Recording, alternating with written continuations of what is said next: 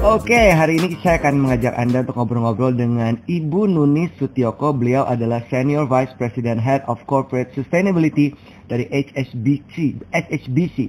Sudah 20 tahun berkarir di dunia perbankan. Hai Nuni. Hai Erwin, apa kabar? Baik, gimana kabarmu?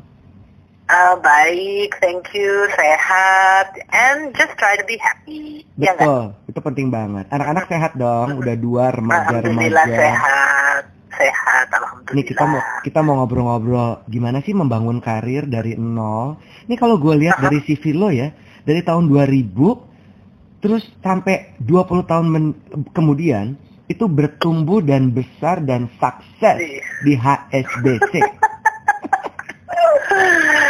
Oh dear, ya gimana ya? Kalau kita sudah merasa cocok Hmm. dan uh, tidak uh, bosan dan tetap bahwa kita um, mendapatkan development dari diri kita sendiri juga, ya uh, kenapa juga mesti pindah-pindah? Tapi ya, of course, mungkin kalau in the earlier careers masih perlu ya untuk kita coba-coba di perusahaan lain gitu. Ya. Kalau sudah berumur ya, uh, if it's good di satu tempat ya, uh, and and they are good to you, the company is good to you ya, uh, you can stay on gitu. Setuju.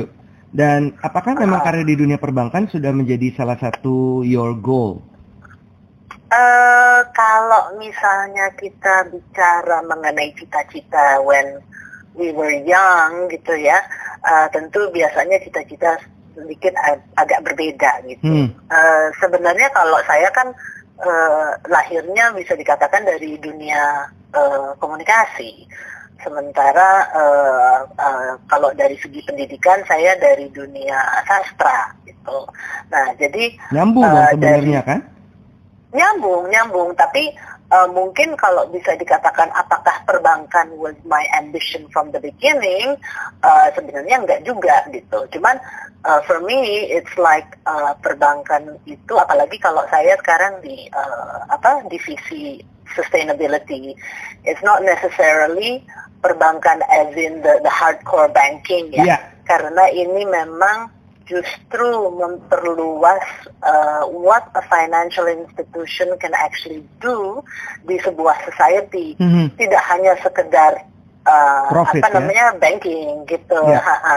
tapi we're talking about keseluruhan untuk supaya sebuah uh, institution itu bisa contribute towards the economy, the the the society dan secara overall sih gitu. Ya. Nah, di situlah yang namanya uh, for me yang namanya dari sisi perbankan not necessarily just perbankan tapi saya sebenarnya memang lahirnya dari dunia komunikasi.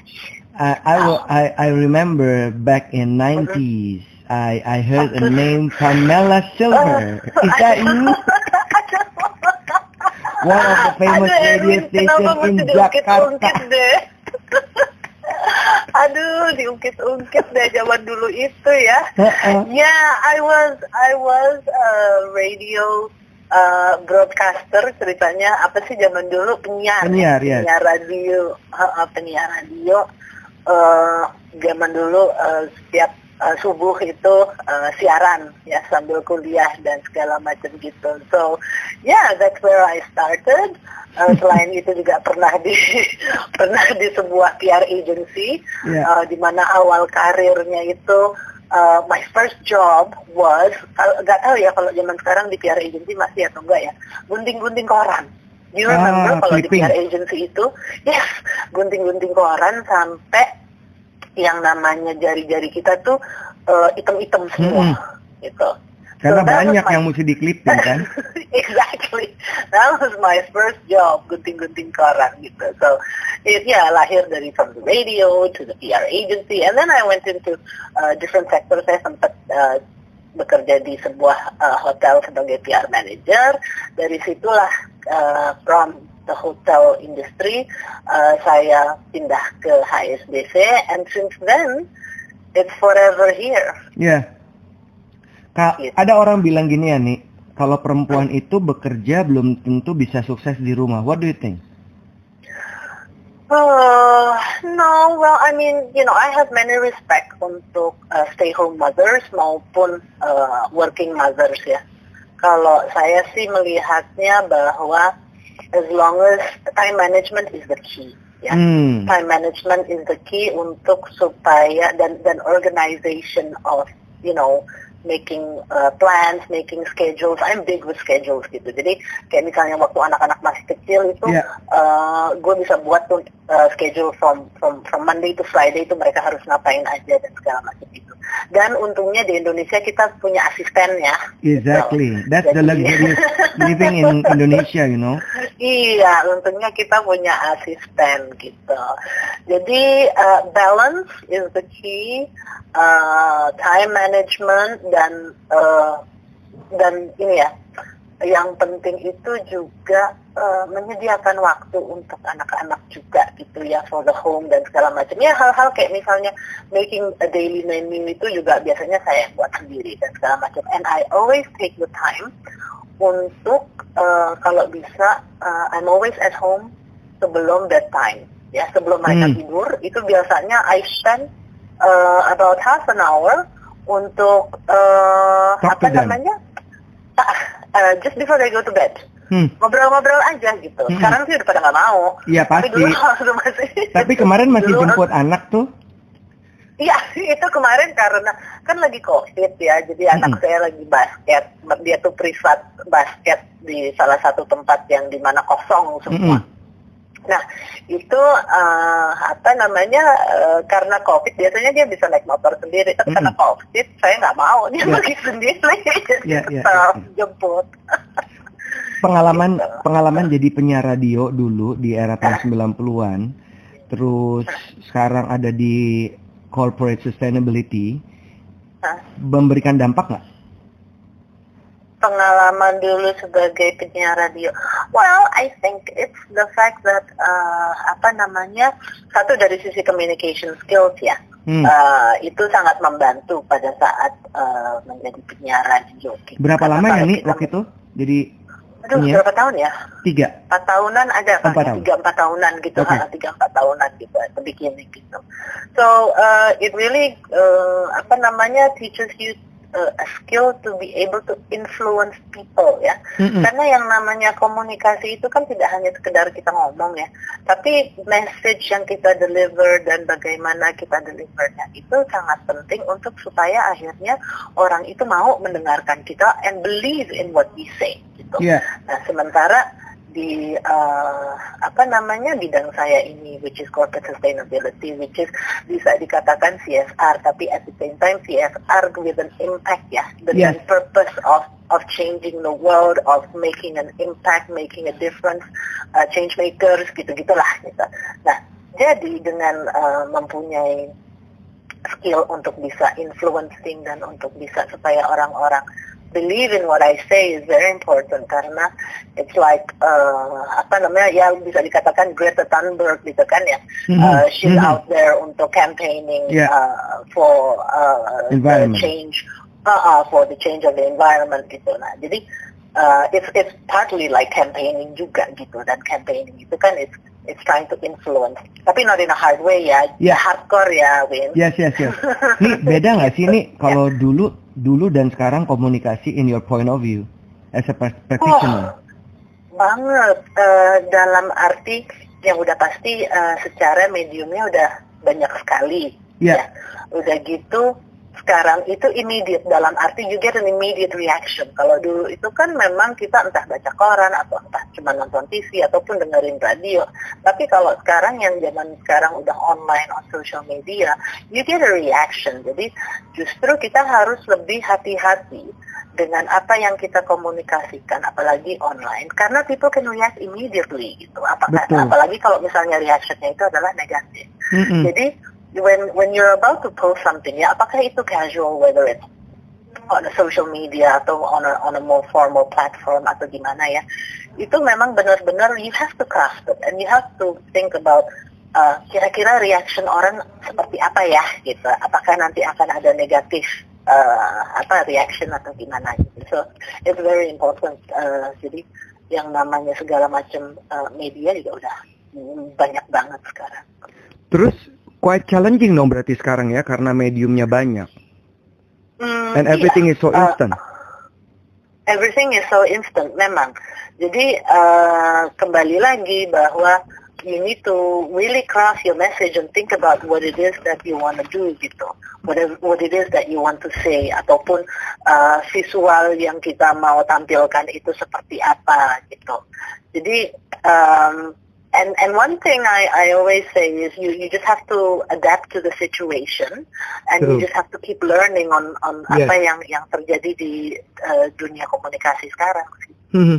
Terus kalau ngelihat bahwa setiap tempat di mana your organization helping community, beda nggak platform atau way of communication? Karena kan every single community have a different rhythm and style. Eh, kalau misalnya zaman dulu kita bicara mengenai CSR ya, Yes. Eh, mungkin kalau company-company itu lebih memang mempunyai tujuan adalah untuk to get publicity ya, sorry to say ya. Mm-mm. Bukannya, I'm, I'm not saying bahwa it's a bad thing. Uh, publicity is always good to to to build your image for a company dan segala macam kayak gitu. Cuman kalau saya lihat sih sekarang the purpose of a company of doing CSR atau community work itu uh, sudah shifted into something more meaningful.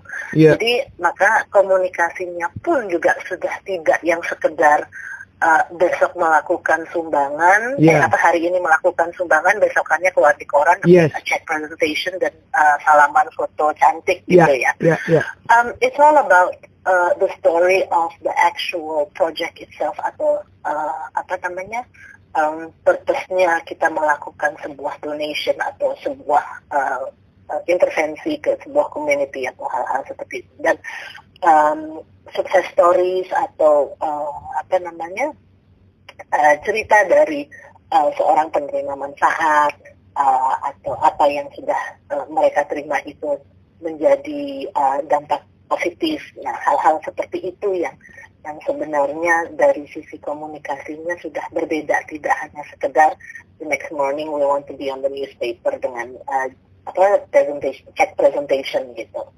Jadi uh, itu juga sebenarnya tujuannya ya selain it does make the company look good of course, tapi tujuannya juga adalah untuk kita bisa influence the other sectors gitu ya, the other entah itu private sectors and other sectors untuk hey let's do this untuk kalau cari uh, CSR project itu yuk cari yang memang benar-benar ada ada uh, impactnya, ada significant impactnya. Kalau untuk activity community work to create a meaningful impact, itu biasanya perlu waktu berapa lama sih for them to to change? Karena kan tiap Ya. misalnya di Pulau Jawa beda, di Sumatera beda, di Kalimantan beda, di Sulawesi bahkan di Papua jauh sekali beda gitu. yang yang udah pasti there's so many uh, differences ya tadi seperti Erwin bilang itu setiap daerah beda ya setiap Mm-mm. daerah mempunyai uh, apa namanya mm, their own local insights dan segala macam kayak gitu. Nah selain itu juga uh, there's so many good NGOs juga di Indonesia ini Yeah. di mana they're so passionate they they they have uh, apa namanya mempunyai belief yang yang yang yang doing it for the good gitu. Nah jadi kalau saya sih selalu I don't just terima sebuah proposal tapi uh, kita selalu we have to have a lot of discussions dengan uh, NGO-nya ya dengan LSM-nya ya tujuannya apa dan kita harus hati-hati ya dana itu juga akhirnya nanti disalurkannya ke mana Yeah. segala macam. So it takes a lot of work, it takes a lot of discussions dan uh, perspektif dari sebuah perusahaan maupun NGO yang di mana nanti kita salurkan dananya itu juga harus disamakan, disesuaikan. Make sure we have the same vision gitu kan. Jangan sampai misalnya kalau kita nih ya, kayak misalnya sebuah bank gitu kan, oh ya uh, saya mau donasi, uh, let's say we're talking to an NGO gitu, saya mau donasi ke sebuah uh, panti asuhan or whatever gitu kan. Mm-mm. Tapi saya maunya yang deket uh, cabang saya ya. Mm-mm. Ya, Mm-mm. tapi NGO-nya nggak punya proyek yang deket cabangnya gimana? Iya. Akhirnya ininya NGO-nya jadi cari-cari untuk untuk supaya uh, apa namanya satisfy the, the perusahaan gitu kan. Yeah. Gitu. So sometimes you just need to find the purpose and you need to find a way di mana antara the NGO and the corporates itu mempunyai visi yang sama sih. itu yang yang dibutuhkan. That's that's where it takes time to find out that you're on the same wavelength and you're on the same boat with uh, your partner. Sampai ke monitoring juga nggak nih? And see Sampai. how it goes di community Sampai, tersebut. iya, iya. Not necessarily untuk lihat bahwa uh, gue udah berapa gitu ya, Hmm.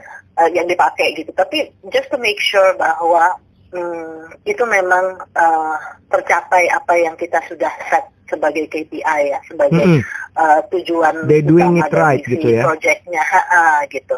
Bahkan along the way itu kadang kan suka uh, ada perubahan. Let's say for example dengan kondisi COVID sekarang gitu kan, uh, you know, I have say like for example a palm oil project gitu ya, misalnya Hmm. uh, uh, untuk untuk para smallholders kelapa sawit. Nah, uh, tentu dengan kondisi COVID seperti ini, which is the project in Kalimantan gitu, uh, dengan kondisi seperti ini tidak bisa ada pertemuan, uh, perkumpulan dan segala macam gitu. So akhirnya uh, there was a time yang di mana we had to sit together with the NGO untuk melihat how is this condition, uh, how do we adapt to the situation gitu. Ada yang akhirnya bisa online, tapi ya namanya juga di hutan belum tentu bisa Betul. online gitu kan dan hal-hal kayak gitu. So uh, there is along the way, along the journey itu pastinya akan ada uh, apa namanya perubahan, change of schedule, change of plan. So that's why monitoring, evaluation itu memang sangat penting. Tapi uh, not necessarily untuk kalau misalnya let's say ya uh, uh, a marketing program gitu kan. Kalau marketing program kan kita memang ngitung dari segi target gue udah tercapai berapa nih gitu. Iya, dan reach-nya ya.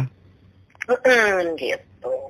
Terus kalau kalau kayak gitu ya, biasanya project to create a meaningful impact to each society itu tuh took how many years? Uh, Normally. It depends. It, it can be ya mungkin kalau yang project agak kecil dan segala macam satu tahun to be able to have some kind of a result. Let's say for example misalnya mm, anak sekolahan di di uh, in a remote area yang nggak bisa baca Mm-mm. gitu kan, illiterate gitu. Nah tentu that doesn't happen overnight gitu kan Iya. tentu itu ada ada prosesnya misalnya prosesnya dari uh, gurunya juga harus diajarin cara Mm-mm. yang efektif Mm-mm. bagaimana untuk mengajarnya orang tuanya juga untuk encouraging dan segala macam. So there's, there's a full intervention ya. Intervensinya itu benar-benar sangat uh, komprehensif. Tidak hanya sekedar ini anak harus bisa baca gitu kan. So uh, things like that could take up to a year gitu. Tapi mungkin the bigger project seperti ya uh, dari sisi project yang petani untuk agar dia bisa akhirnya menghasilkan uh, lebih banyak scale up the the, the uh, income dan segala macam itu it, it could take up to about three years gitu so uh, it depends on on the scale of the project juga sih Win. Kalau dianggap sukses berarti ketika they're already di- indep- independent. Ya, eh, biasanya kalau saya selalu ada macam yang kita sebut exit strategy ya. Hmm. Kalau misalnya program-program yang long term itu, jadi if let's say sudah ada beberapa tahun di mana kita lihat tahap kesuksesannya itu, itu ada yang kita biasa sebut exit strategy. Let's say di sebuah eh, desa itu exit strateginya itu biasanya involving stakeholders, entah itu involving dari local government Yeah. ataupun involving dari koperasi. Mhm. Nah itu biasanya kita harus membentuk untuk supaya eh, memang eh, kalau kita udah tidak ada itu masih tetap bisa eh, bergulir dan masih bisa tetap eh, apa jalan dengan baik tanpa adanya eh, intervensi dari perusahaan maupun eh, NGO. Jadi itu eh, biasanya ada ada training dan capacity building juga untuk Hmm. eh, organisasi daerah tersebut gitu. Biasanya kalau kayak gini ya, apakah menurutmu setiap perusahaan harus punya this corporate sustainability atau CSV? Em, di perusahaan memang lebih banyak mereka biasanya under corporate communications, under PR gitu ya, departemen-departemen itu. I don't think they, I mean, uh, it depends on the company juga ya. Let's say kalau misalnya kita sebut ada beberapa uh, FMCG company ya, yang, Mhm. yang big FMCG Iya. company itu mereka juga punya uh, yang uh, semacam corporate sustainability unit yang yang cukup besar gitu karena mereka biasanya masuk ke sektorilnya juga soalnya gitu. Jadi it depends on the business sih. Win. Hmm. Dan ini memperkaya dirimu dong ya, Nik ya? Banget, banget. Jadi it's like yang kalau, I mean, we all have to admit bahwa 10, 15 years ago, everything was just yes RC gitu. Even the big companies like, uh, ya kita nggak perlu sebut merek Yeah. kali ya, tapi big FMCG companies atau big uh, apa namanya apparel clothing companies Hmm. yang sekarang uh, they're all going sustainable fashion dan hal-hal kayak gitu. Mereka dulu juga belum memikirkan kok. Betul, betul. It's only been 15, 20 years ago. Yes. 15 Started years tu- ago, actually. tahun 2000 ya mulai itu ya. Sustainability ya. Wa- Walaupun sebenarnya udah ada ya, it used to be like apa sih Small. environmental uh, apa namanya more of a of a, it, it's not a conscious yet tapi ya Iya. at that time it was more of a karena peraturan dari daerah atau peraturan dari sebuah industri. Kalau kalau lo lihat ya nih Nuni yang dua- 20 tahun yang lalu di korporasi ini dan Nuni yang saat ini melihat perkembangan community-community bedanya di mana sih nih as a person ya? You as a Oh, person. yang iya, I think uh, it comes down secara me as a person di mana I grew with HSBC as well as myself personal as a mother. Hmm. Ya.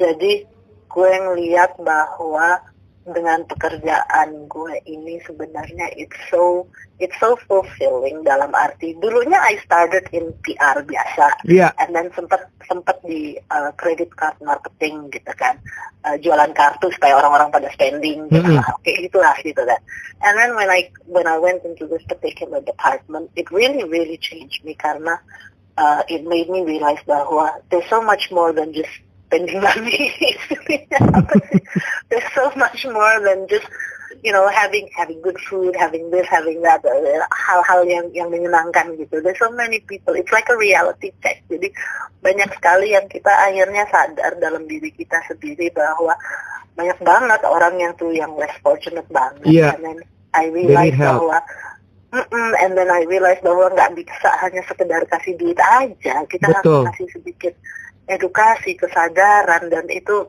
merubah mindset. Dan itu yang akhirnya di dalam diri saya sendiri pun juga berubah. And I do that because I realize I now have kids and I have Mhm. kids that are going to be uh, apa uh, living in a world yang God knows what it's going to be like nanti in the future gitu. Jadi I have to make sure bahwa dari sekarang dari sisi pekerjaan uh, ke pekerjaan saya sekarang uh, I can contribute towards a, a future untuk uh, future generation yang yang nanti akan lebih baik lah ya. Lagi sekarang kasihan banget mereka kayaknya merasa ini dunia kayak apa nih nanti? Ah ah, Iya, mau ngapa-ngapain susah kan mikir. Ah, ah, ah, Parno. kondisi kayak gini. Iya. Iya kan what's the world going to be like apakah Iya. itu ada vaksin atau enggak gitu Jadi, Betul. it's it's not fair but yeah we can do what we can our generation should be able to help them untuk supaya akhirnya mereka juga mempunyai future gitu soalnya I think they're quite mad at us Setuju. destroying the environment Betul betul, sangat sih. Kan Kalau kalau ya kalau kayak si Greta and Friends itu kan Iya, iya, iya, iya, iya. They're very mad, ya. bahkan udah udah anger ya. Kalau kalau mau dilihat sebenarnya kan orang harus berubah ya nih. Lo pasti setuju dong, manusia tuh harus berubah. hmm, setuju banget Dan kalau adaptasi iya dan juga bisa beradaptasi. Tapi kan nggak semua orang punya kesadaran itu ya untuk berubah dan beradaptasi. hmm, hmm. Ya kan ya? ya betul Dari pengalaman Ya. supporting many organization, terus support local community, tough nggak sih merubah mindset mereka and it took how many long gitu to to someone to have some kind of new perspective.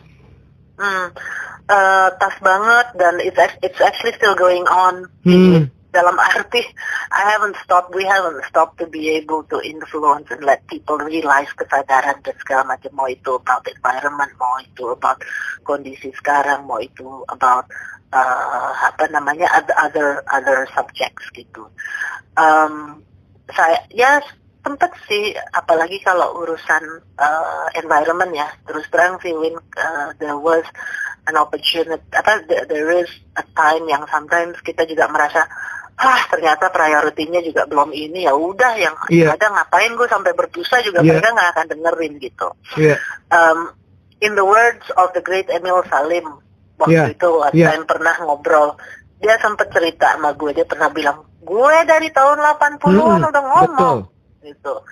Baru sekarang pada sadar gitu. So it just goes to show for a man like him as Iya. as as as respectful as him gitu. Dia sendiri juga dari awal dan he didn't stop.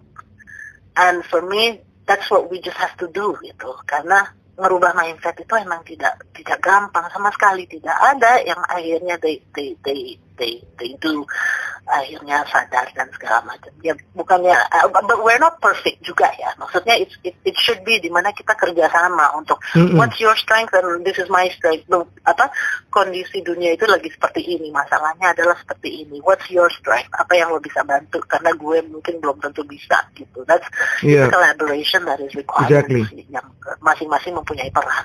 Per- kalau how you manage your stress and frustration due to the situation?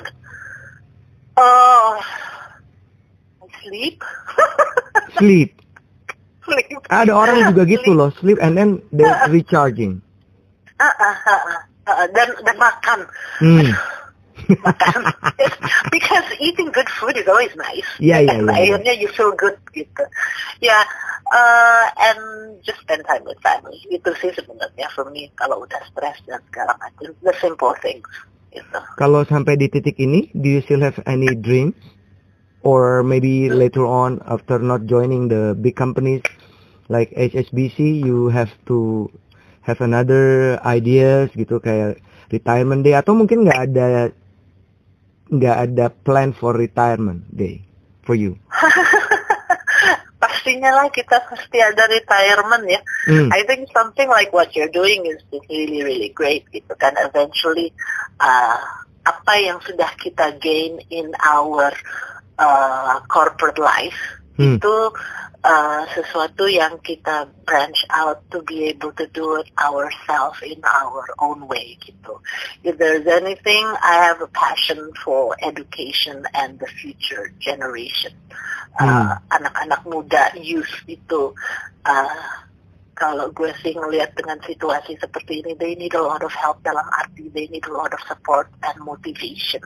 Hmm. Jadi I, I'm a big uh, apa namanya believer in uh, kita harus uh, nanam pupuk dari awal untuk supaya akhirnya they can grow into uh, great leaders, great characters. So maybe something along the lines of education and influencing the young. Kalau kalau ngomong soal quality of the great leader in the future, Hmm. how do you see?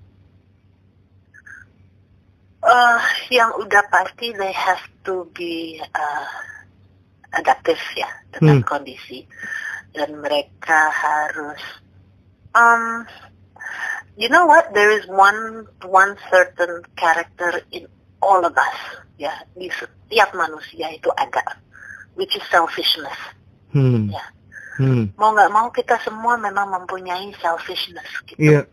tapi eh, kalau as a leader itu sesuatu yang sebenarnya we have to put aside at times. Iya kan?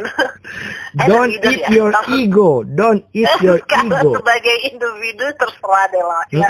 Hmm. Cuman kalau as a leader, you need to put that aside. Jadi uh, something yang kalau anak zaman sekarang itu kan mereka memang mempunyai opinion dan mereka Yeah. maunya didengerin, Yeah. bahkan sampai ngotot Yeah, dan yeah, segala yeah. macam gitu. Um, it's something that I think for our younger generation has to learn to realize bahwa uh, apa namanya hmm, kita memang harus adapt, kita harus menyesuaikan. Let's say juga lawan pembicara kita kalau adalah guru misalnya. Hmm. Hmm. Aduh Win, lo tahu Mm-mm. sendiri lah zaman Iya, iya, sekarang iya. kan anak-anak tuh kalau udah sama guru, ya elah bu, gitu kan Iya. ngomong kayak gitu. Belum lagi juga kalau gurunya nggak bisa handle anak-anaknya. Exactly, exactly. Kacau kan exactly, tuh. kan? Ah, nah, jadi and that's why for me, and I always say to my children, you have to hear, talk to your teacher gitu. Mm-mm. And then suddenly they say, aduh, eh, apa namanya, zaman kita sama zaman bunda tuh beda. Kita Mm-mm. tuh enggak Itu ada itu tuh yang kuncian kayak mereka misalnya, tuh.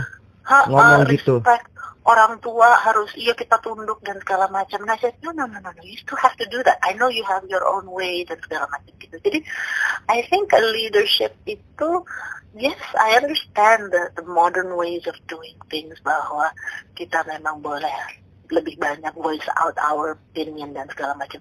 Tapi uh, apa namanya unsur-unsur yang zaman dulu yang old school itu uh, baik juga loh untuk Iya. kita tetap harus bisa uh, uh, apa maintain untuk dalam diri kita sendiri gitu karena mereka juga nggak akan selalu uh, berbicara lawannya dengan yang seumuran sama mereka gitu kan Mm-mm. there are people who do want to who do expect bahwa people should behave in a certain way. Jadi for me a leadership should be able to adapt to let's say entah itu situation atau itu entah itu a group of people dan segala macam. Jadi, jadi um, and and and be less selfish karena terus terang sih zaman sekarang anak-anak muda ya nggak anak-anak muda aja sih like I said semua orang tuh mempunyai selfishness dalam diri diri sendiri tapi kalau dalam hal leadership diusahakan untuk to put aside Ada tips gak sih? Things Hah? like in day to day ya? life supaya orang-orang nggak terlalu eating their own ego. Kan Ah, soalnya challenging loh nih. Kayak sosial media itu kan is a etalase gitu yang people want to be seen gitu. People want to publish anything. They want to declare anything. Itu kan sebenarnya eating our ego kan? ah. Ya nggak sih nih? And Iya every, platform is every everything is there gitu. Semua platformnya udah ada. Lu tinggal masuk aja mau ngapain aja gitu. Untuk pamer and boasting ourselves gitu Iya, ya iya. Ya, um, uh, it comes down to, ya sih, kembali lagi dengan diri kita sendiri. Why are we here? What's what's your purpose? You know? Hmm. I always say bahwa uh, we all have a mission in life. We were all put in this world for certain reasons, Yeah. gitu. and hopefully kebanyakan untuk for for for a good reason. gitu. Yes, yes. Agree, agree. Uh, kalau kalau gue sih selalu mikirnya bahwa oke uh, kan kalau kita selalu bilang bahwa anak itu adalah titipan dari atas Mm-mm. kan so I put myself in that position di mana gue dititipin kok untuk supaya gue membesarkan anak-anak ini yang benar Iya. so and then I think to myself when I'm working in a company bahwa gue dititipin untuk gue di posisi ini supaya gue ngejagain si perusahaan ini dan kita melakukan dengan baik itu sih and Hmm. and that's what I do to be able to akhirnya itu it's not it's not about me gitu kan Mm-mm. it's about yang dititipin siapa aja gue misalnya di rumah anak-anak Iya. di kantor misalnya the the company itself uh, anak buah my Yeah. colleagues my peers my my shareholders dan segala macam gitu itu sih akhirnya that's that's I, you just have to come back and think to the basic Hmm. purpose-nya lo tuh apa di posisi kita sekarang as a as a person like me as a mother me as a wife me as a as as the corporate sustainability di sebuah perusahaan gue di misalnya di sebuah PTA di sekolahnya anak gue gitu ya kan So meaning I'm not doing it to get attention yeah. gitu. So you have to be fully aware Mm-mm. of of, of what you're doing. Mm-mm. Kalau nggak ada awareness, there will no such respect. Mm-mm. Yeah, in the end, you're just doing it for yourself. Mm-mm. Mm-mm. Mm-mm. I mean, you, of course, you still have to think about yourself and the Yeah. another part. Itu kan that's that's when you you get your uh, bubble baths and things like that, gitu kan. Mm-mm. Mm-mm. Tapi harus pandai-pandai untuk moments. untuk untuk managing it. Mm-mm. Iya, betul. Kan ada ada ini ya, ada banyak sekali hasil-hasil dari researcher yang mengatakan bahwa tahun 2020 sampai tahun 2050 ada kualitas-kualitas orang-orang itu harus punya kemampuan critical thinking, problem solving, managing their moods dan lain-lain gitu. Itu adalah kualitas-kualitas yang dapat membantu the future leader to grow. Dan kualitas itu adalah is a is a very necessity. Kalau orang nggak punya itu, bagaimana kita bisa ngelawan artificial intelligence? Setuju nggak nih? Setuju banget. Itu namanya yang disebut core skills, ya, atau soft skills. Hmm. Dan itu terus terang tidak diajarin secara langsung di sekolah-sekolah. Iya. Ya, maksudnya it's it's not in a curriculum. It's it is a skill that is bisa dikatakan unseen. Mm-mm. Tidak terlihat, it's di awang-awang Iya. bahkan bisa dikatakan tidak bisa dinilai. Hmm. Karena itu hanya bisa terlihat pada saat kita do something gitu kan. Betul. Leadership skills. It's not something yang lo bisa duduk di di apa namanya di di in, in an exam di sebuah ujian terus lo uh, suruh uh, jawab pertanyaan multiple choice gitu Mm-mm. kan terus akhirnya lo dapat nilai gitu kan. Mm-mm. it cannot be seen through that ya. Leadership skills is probably seen through misalnya kalau di sebuah sekolah atau di sebuah kampus itu adalah melalui organisasi ya. Melalui organisasi how do they perform dan segala macam. Do they do they lead uh, the project? Do they lead the team? Dan segala macam gitu. So it is actually unfortunately unseen dan itu yang sebenarnya harus dilihat oleh uh, para pendidik juga ya untuk mereka mulai lihat karena it comes into the character juga dan memang justru itu ya adalah core skills, soft skills yang di mana sebuah robot tidak akan bisa melakukan gitu. Karena robot itu kan is computerized. You cannot put a mood in a Hmm. computer. You cannot put uh, apa namanya uh, a feeling into a computer gitu kan. Jadi memang uh, it, itu sangat penting sih bahwa to have nilai setinggi kayak gimana dengan IPK seberapa mau Hmm. laude dan segala macam. But if you don't have that, the, soft- the soft skills dan semua tadi keterampilan yang lo tadi barusan sebut itu memang uh, it will be difficult to compete entah itu with other people maupun dengan si what the job force is actually required right now. Sekarang Dan itu hanya bi- hanya bisa digain melalui experience. betul betul. Nih kalau sekarang di melihat di organisasi lo gitu ya, lack of leadership atau justru they are growing? Karena ada Ah. ada beberapa orang berkomentar ya, ba- banyak senior level like you and my surroundings bilang bahwa ini bukan dikategorikan semuanya ya, digeneralisir semuanya, tapi anak-anak yang sekarang ini they are crack under pressure, they easily crack under pressure. Hmm. Gampang banget. Yes, the millennials. Ah, ah. Kan, kan mereka yang akan terusin dunia ini kan, the Iya, Z juga kan, si Greta and the and friends gitu. Tapi, tapi makin hari the quality itu decreasing because of the social media. Lo ngelihat ngerasain itu juga nggak sih kayak kenapa sih anak-anak ini gampang rentan sekali gitu, gampang kabur dari perusahaan, gampang eh, nggak mikir gitu, cabut aja, atau justru malah enggak? Um, you know that the world is changing dalam arti uh, zaman sekarang itu memang there's no commitment ya. Hmm. Uh, uh, there's not so much of a loyalty. They they grew up in a situation where things are instant and you can just switch from one Hmm. from one restaurant to another. Iya. Lo lihatlah di aplikasi Iya. makanan. Lo tadinya lagi iya, iya. pesen ini, ah gue berubah ah yang ini, Iya. eh, tapi orang yang ke rumah yang satu lagi mau yang ini, oh bisa kok gue Iya. tinggal ini gitu. So, iya, iya. It's so easy, it's at your fingertips gitu. Selain itu juga zaman sekarang itu things like aset pribadi ya. Uh, entah itu untuk punya rumah atau untuk punya mobil is not so important anymore. You know? Betul, betul Karena banget. banyak banget sekarang yang namanya fasilitas untuk bisa kita hidup dan kita enjoy tanpa kita harus ngeluarin duit segitu banyak akhirnya lo udah beli rumah terus akhirnya miskin gitu kan Mm, mm. itu they still wanna enjoy life gitu Yeah, that jadi YOLO, right? like Nah, eh, jadi kan mereka seka- zaman sekarang kan banyak mobil-mobil yang bisa mengantarkan kita ke mana-mana. Mm-mm. tanpa kita harus cicil mobil. Mm-mm. ya kan? Apa terus punya bisnis punya usaha eh, kita nggak punya kita nggak perlu punya office. Ya kan? Yeah. kayak gitu. Jadi memang there is that lack of apa loyalty there is that lack of uh, stability ya.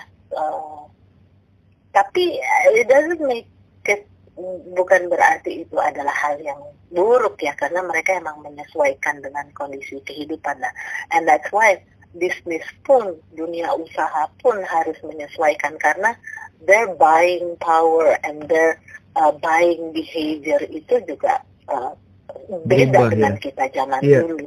Iya, Uh-uh. iya, iya, iya. So, apakah itu negatif dari sisi leadershipnya mereka? Enggak sih, mereka bisa adaptasi. Cuman ya kembali lagi yang what I said at the beginning itu, eh apa namanya? Adaptif. Um, ya, and values zaman dulu itu it's not so bad kok. Hmm.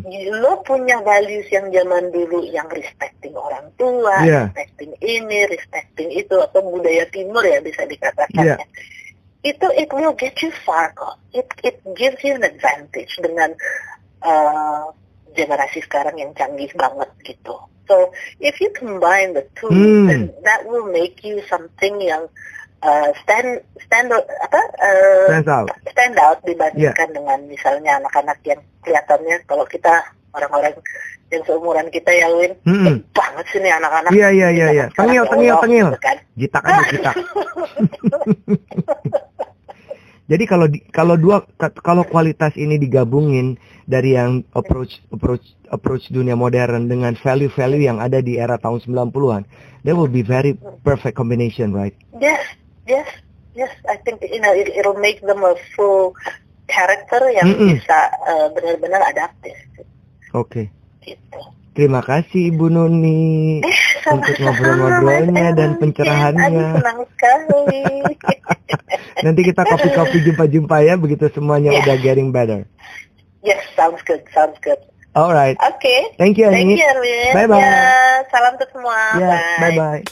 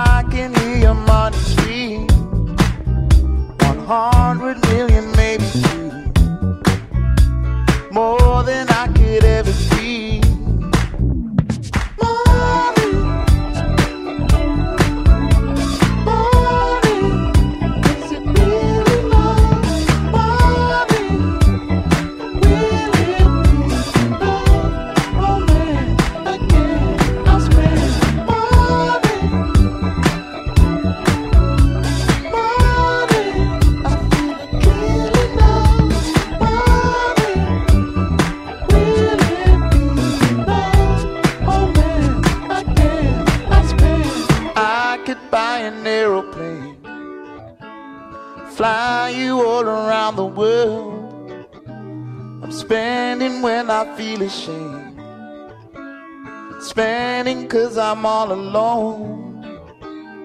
Girl, I wanna make you mine. Can't you give your heart to me? I would give you every dime. You're more than I could ever be.